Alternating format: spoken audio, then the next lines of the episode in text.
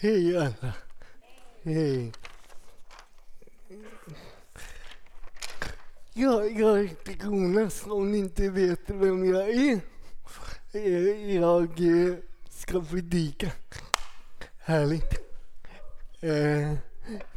Ja, vi är inne i ett tema om Bibeln.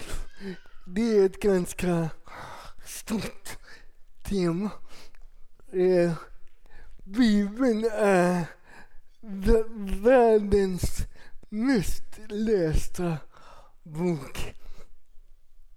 Kan ni gissa vilken som är den näst mest lästa boken i världen? Har vi någon gissning?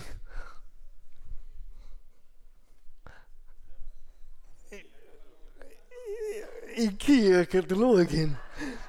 Bra gissning. Eh, den, den, detta är faktiskt lite så här otippat. Det är en citatbok av den kinesiska före detta diktatorn Mao.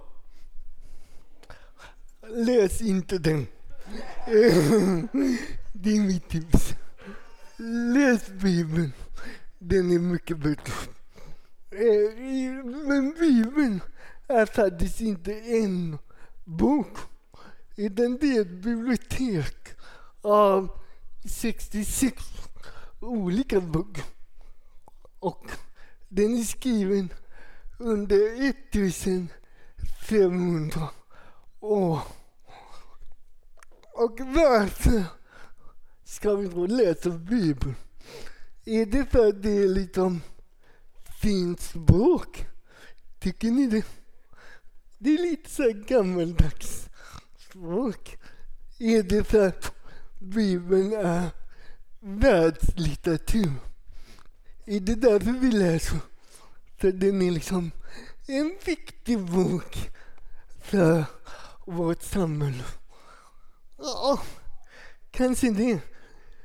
Men vi läser Bibeln för att Jesus lever. Det är den enkla sanningen. Vi läser Bibeln för att Jesus lever. Om Jesus inte hade levt, då kan du lika gärna läsa den där kinesiska citatboken. Men eftersom vi tror att Jesus lever, därför har Bibeln otroligt stort värde. Och det är denna inställningen vi ska ha när vi läser Bibeln. Att den ska peka mot Jesus. Om Bibeln kunde tala, kan du tänka den tanken? Tänk om den var en sån här ljudenhet som talade till dig. Vad skulle den tala då? Den skulle nog viska. Du, följ Jesus. Du, han är värd allt. Denna boken pekar mot Jesus. Och ibland tänker vi, det, ni vet det, ni som har läst Bibeln lite, den är uppdelad i två delar. Gamla testamentet och Nya testamentet. Och ibland tänker vi att det är bara Nya testamentet som handlar om Jesus. Men idag ska jag tala om Gamla testamentet. Yeah! Grattis! Tänk att du är här. Idag ska vi tala om Gamla testamentet. Det kommer ta ungefär åtta timmar. Hur många här inne, får jag vara lite ärlig, hur många här inne har läst hela Gamla testamentet? Hand upp. Ja, en del. Jag kan inte svära att jag har läst alla dessa i Höga Visan. Jag är ledsen. Jag tyckte att det var lite mycket så här naket. Och jag är lite så här kristen. Så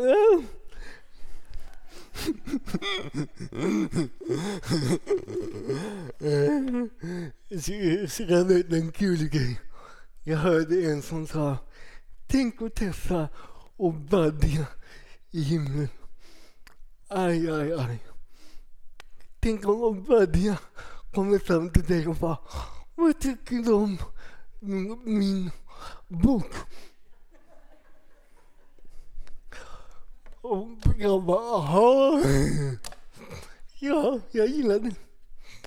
Och han bara, är det något speciellt du gillar?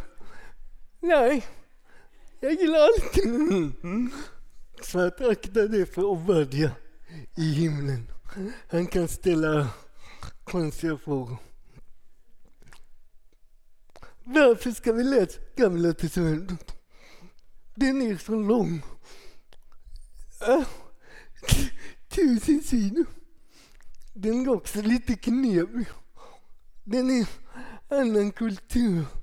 Den talar om att ormar kan prata. Den talar om att, att en åsna till och med kan tala. mm. Hur gör vi med det? Äh? Kan hon det? Och det är en annan kultur. Den är också lite våldsam. Kan jag, och du som inte har läst, du som inte har läst Gamla Testamentet, förbered dig på lite så här actionfilm. Det är ingen romantisk komedi. Utan det är ganska så här brutala grejer där Israels folk ska inta ett land och kriga. Hur gör vi med det? Och jag har också nämnt att mycket i Gamla Testamentet är poesi. 25 procent av hela Gamla, gamla Testamentet är poesi. Jag kan vara ärlig. Jag och dikter, vi är inte jättetajta. jag säger ingenting. Och nu kanske du tänker, yes, vad bra Jonas, nu ska du ge svar på alla de här tuffa frågor vi kan ha om Gamla Testamentet. Nej, det ska jag inte göra. Men jag samtalar gärna och jag vet att Kim och Niklas samtalar också. För det är lite, Gamla Testamentet, det är lite så här osensurerat. Och jag vill säga till dig, det är okej att brottas med texten. Och det är okej att brottas med Gud. Han klarar det. I första Mosebok 33 talas det om Jakob. Han är liksom en av de hjältarna. Abraham, Isak, Jakob brukar man kalla för de tre patriarkerna. Men Jakob, han var inte jättekristen. Han lurade till och med sin egen bror på mat. Men i detta kapitel, första Mosebok 33, då har han en ganska jobbig natt där Gud kommer och besöker Jakob. Och han brottas med Gud hela natten. Och det som är intressant det är att innan han brottas med Gud, då kallar Jakob Gud Abrahams Gud. Efter han har brottats med Gud, vet du vad han kallar Gud då? Min Gud. Så att i brottningen med Gud, i mötet med Gud, då kan Gud bli din Gud. Så jag uppmanar dig och utmanar dig Var inte rädd att liksom samtala med Gud. Skrik lite till Gud. Han klarar det. Och efter det mötet så tror jag att din tro kommer växa. Så, det var min inledning. Är ni med? Ja, en del är med. En del har sagt godnatt. Men vi ska bara titta lite på Gamla testamentet. Vi ska lägga upp lite bilder här. Eh, en uppdelning man brukar göra. Det är lagen, det som judarna kallar Torah. Det är de fem Moseböckerna. Sen kan vi ta nästa. Och det är det som kallas profeterna. Nevim. Jag vet. Tänk att jag kan det ordet. Ja. Detta är alltså den judiska uppdelningen av Gamla testamentet. Och jag, jag gillar den lite för att alla de historiska böckerna, om ni tar och ni kan se, alla historiska böcker kallas profetiska. Och det tror jag är nyckeln när vi läser Gamla testamentet. Att det inte bara är allmän historia. Utan det är Guds historia. Gamla testamentet säger den historien som Gud tycker är viktig att ha med för att vi ska lära känna honom. Och sen har du skrifterna, ketuvim. Man kan säga att det är så här livsstilsböcker. Ett modernt begrepp. Livsstilsböcker. Hur lever jag när jag tillhör Gud? Hur levde judarna när de var ett heligt folk? Det kan ni läsa i dessa böcker. Ja, nu, nu ska vi gå till ämnet igen. Vi är inne i ett tema som heter just Läs Bibeln, lär känna Jesus. Och hur såg Jesus på Gamla Testamentet? Så vi ska läsa nu från Matteus 5. Jesu lärjunge Matteus skriver ner den här bergspredikan som den kallas. Detta är alltså Jesus sändaste predikan. Och i den så kan vi läsa, tro inte att jag har kommit för att upphäva lagen eller profeterna. Ser ni det? Jesus använde den judiska uppdelningen av Gamla testamentet, lagen, profeterna. Tro inte att jag har kommit för att upphäva, utan att uppfylla. Jesus trodde på Gamla testamentet. Han trodde på Adam och Eva. Det är inte alla som gör det. Men Jesus trodde på Adam och Eva. Han citerar äktenskapet att en man ska lämna sin äh, far. Och, och då menar han Adam och Eva. Han talar om Mose lag. Han talar om Guds bud. Att älska Gud och älska sin nästa. Varför säger jag detta? Jo, för att Jesus säger inte så här. Släng Gamla testamentet. Det är inte så simpelt. Det är, ny, det är Nya testamentet som är grejen. Det säger inte Jesus. Men jag skulle vilja, vilja, vilja lägga till att Jesus ser ett annat syfte också. Där det står uppfylla. Det verkar som att Jesus ser någon slags koppling mellan honom och Gamla testamentet. Och detta blir ännu tydligare när Jesus uppstår och kan träffa några lärjungar.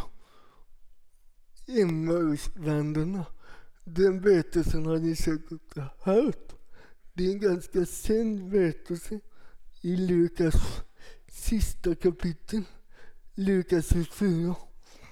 Och där säger Jesus till de här lärjungarna så här.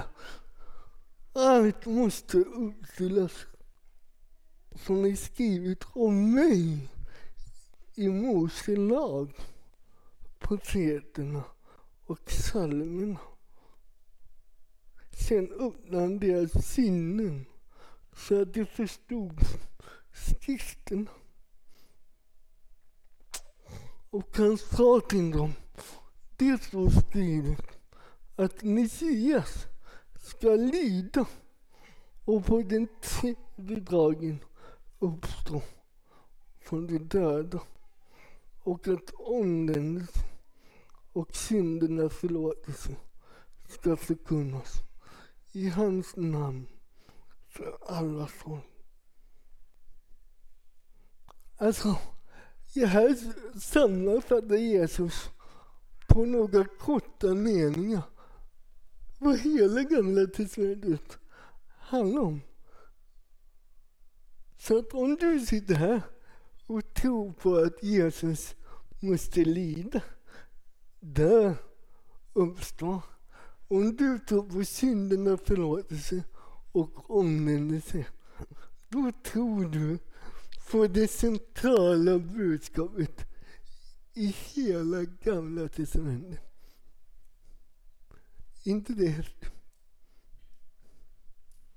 Och det var faktiskt så här den första församlingen predikade. Om du tittar i Apostlagärningarna så finns det ungefär 15 predikningar av Petrus och Paulus mestadels. Och alla de predikningarna, vet du vad de löser ifrån? Gamla testamentet. Så att de predikar Jesus, att de har mött Jesus. De predikar om anden, att de har fått anden i deras liv utifrån Gamla testamentet. Och alla brev i Nya testamentet är också fullmatade av Gamla testamentets texter. Om vi tar ett exempel i Apostlagärningarna 2, där pingstdagen beskrivs. Ni vet, den härliga dagen där anden faller. Då citerar Petrus Joel, den profeten, och säger detta har hänt. Det som profeten Joel talar om att anden ska falla över alla människor och bo i oss. Och sen, den är en utmaning till dig Niklas. Vet du vad, vet vad Peter säger då? Han predikar alltså att Jesus har uppstått utifrån Psaltaren. Det har inte jag gjort. Jag har aldrig predikat att Jesus har uppstått utifrån Psaltaren. Men det är Petrus. Han är ganska hemma i Gamla testamentet. Så han kan se Jesus överallt. De första lärjungarna kunde se Jesus överallt i Gamla testamentet. Så att, så att nu i slutet av min predikan ska vi se på några exempel. Hur syns Jesus i Gamla testamentet? Det är min ut, utmaning.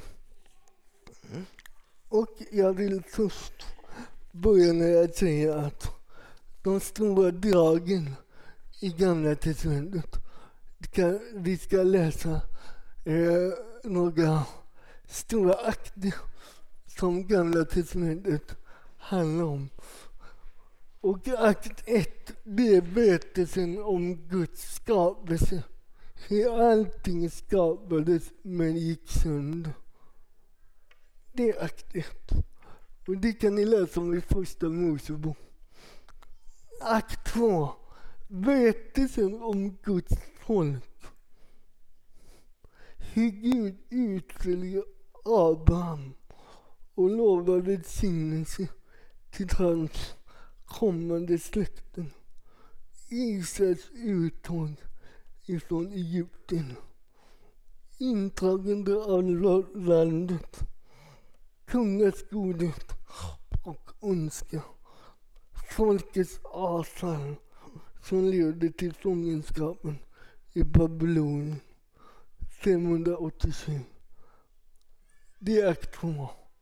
Och akt 3 det är när folket får återvända till sitt land. Och det finns ett löfte om Guds närvaro i templet. Och ett löfte om en kommande Messias. Så att Gamla Testamentet slutar med en cliffhanger.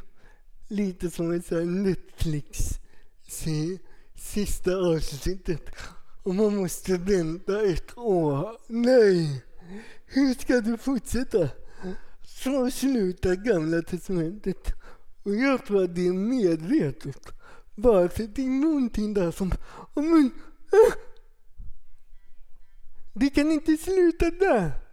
Det måste komma en säsong till. Och vet du vad slutsäsongen är? Jesus. Jesus är slutsäsongen på hela Bibeln. Så nu ska jag bara ta upp några exempel. Den första är Jesus och Adam. Jesus och Adam. Vi läste Gud skapar världen och människan.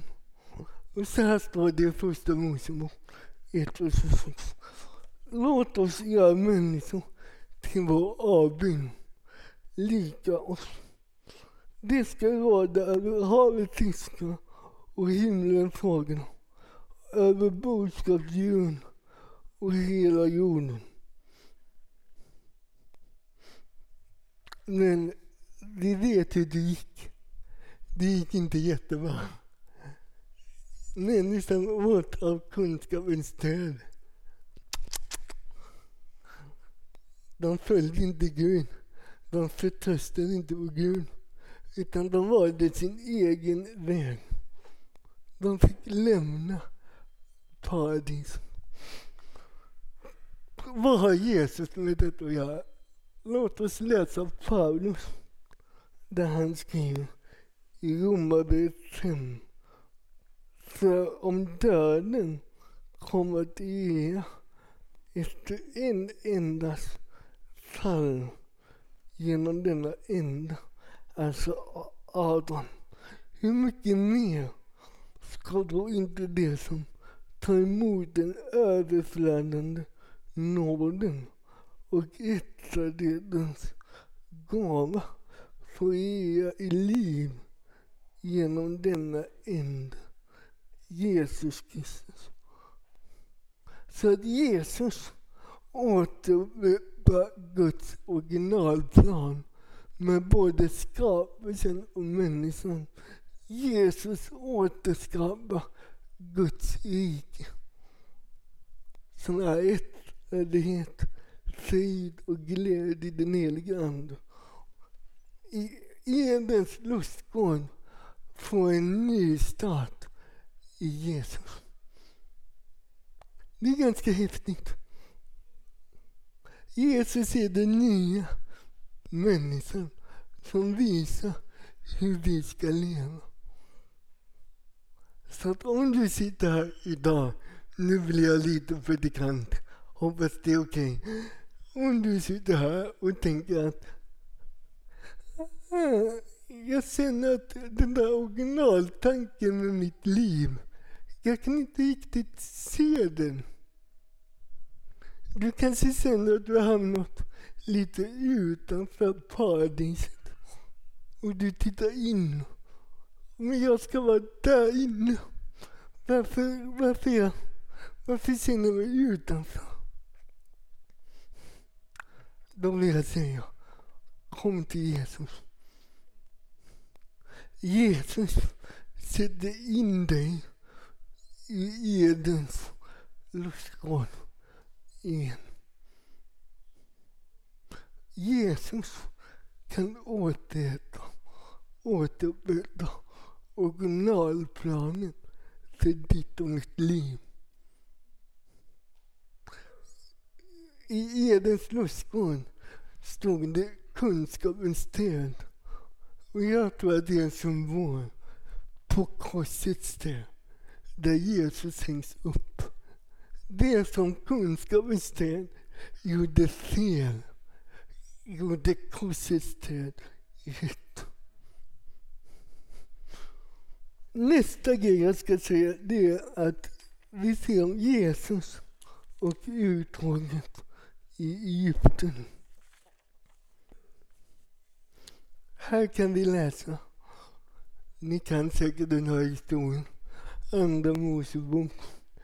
Israels folk är slavar i 400 år. Och så kallar Gud Mose att föra ut hans folk.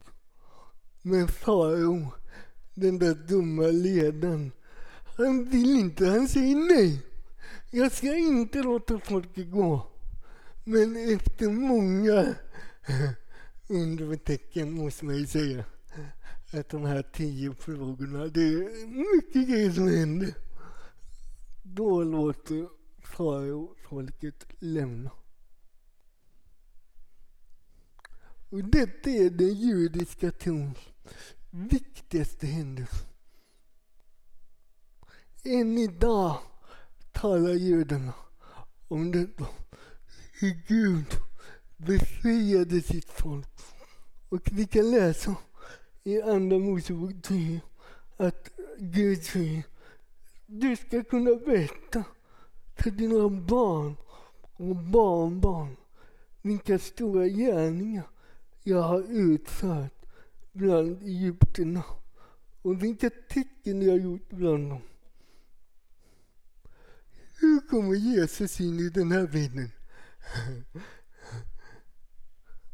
Om vi läser Lukas 9, ni kan säkert den historien, när Jesus ser på förklaringsberget. Jag vet inte varför det kallas det, men där händer det. Det är ett bra bönemöte kan, kan, man, kan man säga. Det är Mose och Elia och det har jag aldrig sett i något. Mose och Elia kommer ner och Jesus förvandlas. Och så säger Jesus, eh, inte Jesus, Lukas berättar detta. Det var Mose och Elia som visade sig i sin härlighet och talade om Jesus uttag. Kan vi få det? Eh, Jesu uttag när han skulle fullborda i Jerusalem. Kan ni se att Jesu uttag Jesus är den nya Mose. När Jesus dör uppstår, då är det en... Då fattar alla judar. Aha. Jesus befriar folket ifrån slaveri. Jesus befriar oss ifrån bundenhet. Och farao är ett exempel på djävulen som vill hålla oss bundna. Vad vill jag säga med detta? Jo, om du sitter här och är bunden, du känner dig lite så här, jag har dålig självbild. Jag, jag har haft dålig självbild jättelänge.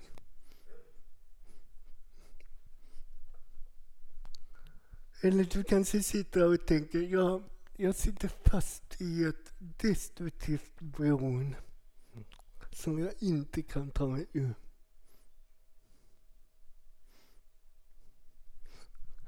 Kom till Jesus. Han är den stora befriaren. Han kan göra dig fri från allt som binder om mig. Det sista jag ska ta som tema, det är Jesus och templet. Jag har talat om Jesus och Adam. Jag har talat om Jesus och uttrycket Egypten. Och nu ska jag tala om Jesus och templet. Bibelns stora tema det är att Gud vill vara nära sitt folk. Gud gillar inte distansförhållanden. Om du inte minns någonting vad jag sagt idag, ta med dig det hem. Gud gillar inte distansförhållanden. Utan Gud vill bo mitt ibland oss. Och efter Israel hade befriats så ska de slå läge i öknen och då går Mose upp på berget och så säger Gud, bygg ett tabernakel där jag kan komma och möta mitt folk. Och det är ganska detaljerat hur detta tabernakel ska se ut. Det är tio kapitel. Det är olika metaller, guld, koppar, silver. Allting ska vara exakt som Gud vill. Och Kim kan predika länge om hur mycket symbolik det finns i tabernaklet när det gäller Jesus. I Gamla testamentet så krävs det djur också för att närma sig Gud. Och tanken var att man skulle ha ett felfritt djur. Bara för att det perfekta djuret skulle vara en ställföreträdande för operfekta människor. Det var tanken. Och detta är en bild på Jesus. Vi kan läsa i första Petrus 3 och 18 att så led Kristus en gång för era synder. Yttrade led han i outrädligas ställe. Här har ni nu. Han är perfekt. Han dör för oss som är operfekta. För att föra er till Gud. Så att Gud uppfyller hela offersystemet i Gamla testamentet. Rakt av. Du behöver inte ens lära dig alla lagar i tredje Mosebok. Det räcker att vara Jesus. Jesus säger, jag är vägen, sanningen och livet. Ingen kommer till Fadern utan genom mig. Det är därför Johannes döparen profetiskt kan säga när han ser Jesus där vid Jordanfloden. Se Guds namn som borttager världens synd. Johannes Döbeln hade läst skrifterna. Han fattade det krävs ett offer. Och Jesus är detta offer. Jag skulle säga så här. Jesus har gjort Gud nära. inte det härligt? Jesus har gjort Gud nära. Vi vill inte gå igenom massor ritualer offer för att komma till Jesus. Så här står det i Hebreerbrevet att i kraft av Jesu blod kan vi frimodigt gå in i det allra heligaste. Va? Så låt mig avsluta med Emmausvandrarna igen. Som de som Jesus talar om och lägger ut Gamla testamentet. Jag är inte säker att Jesus har tagit mina punkter. Jag hoppas det, men jag är inte säker. Jag, det, det står ingenting i Jesus la ut hela Gamla testamentet och pekade på Jesus. Men vad blev resultatet efter Jesus hade gjort detta? Jo, det står att bön inte våra hjärtan i oss när han talade med oss på vägen, när han öppnade skrifterna hos oss. Lovsångerna kan komma upp. Brann inte våra hjärtan i oss när han talade med oss på vägen. Det brann i deras hjärtan. Det är syftet med denna. Syftet med denna, inte kunskap, utan det är kärlek. Syftet med denna, inte kunskap, det är kärlek. Att ditt hjärta ska vinna. Att mitt hjärta ska vinna för Jesus. Så jag hoppas att du har fått lite så här lust att upptäcka Jesus. Inte bara i Nya Testamentet utan i Gamla Testamentet. Och jag har bara tagit upp tre teman. När jag, när jag förberedde detta så var jag uppe på 20 stycken. Och jag tänkte, nej, jag kanske inte ska ta 20 stycken. Jag tar tre. Så du fattar att ju mer du söker, ju mer du letar efter Jesus i den här boken, ju mer hittar du honom. Låt oss be.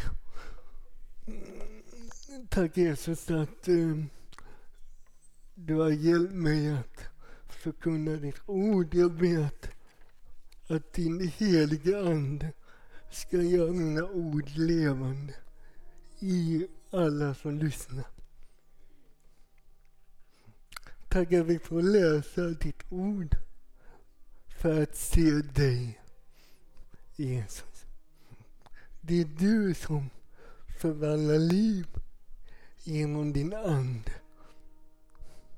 Det är inte hur mycket vi kan i Bibeln som förändrar våra liv. Utan det är du som förvandlar våra liv. Jesus. Så jag ber dig, kom och visa dig för oss. Låt våra hjärtan brinna för dig. I Jesu namn. Amen.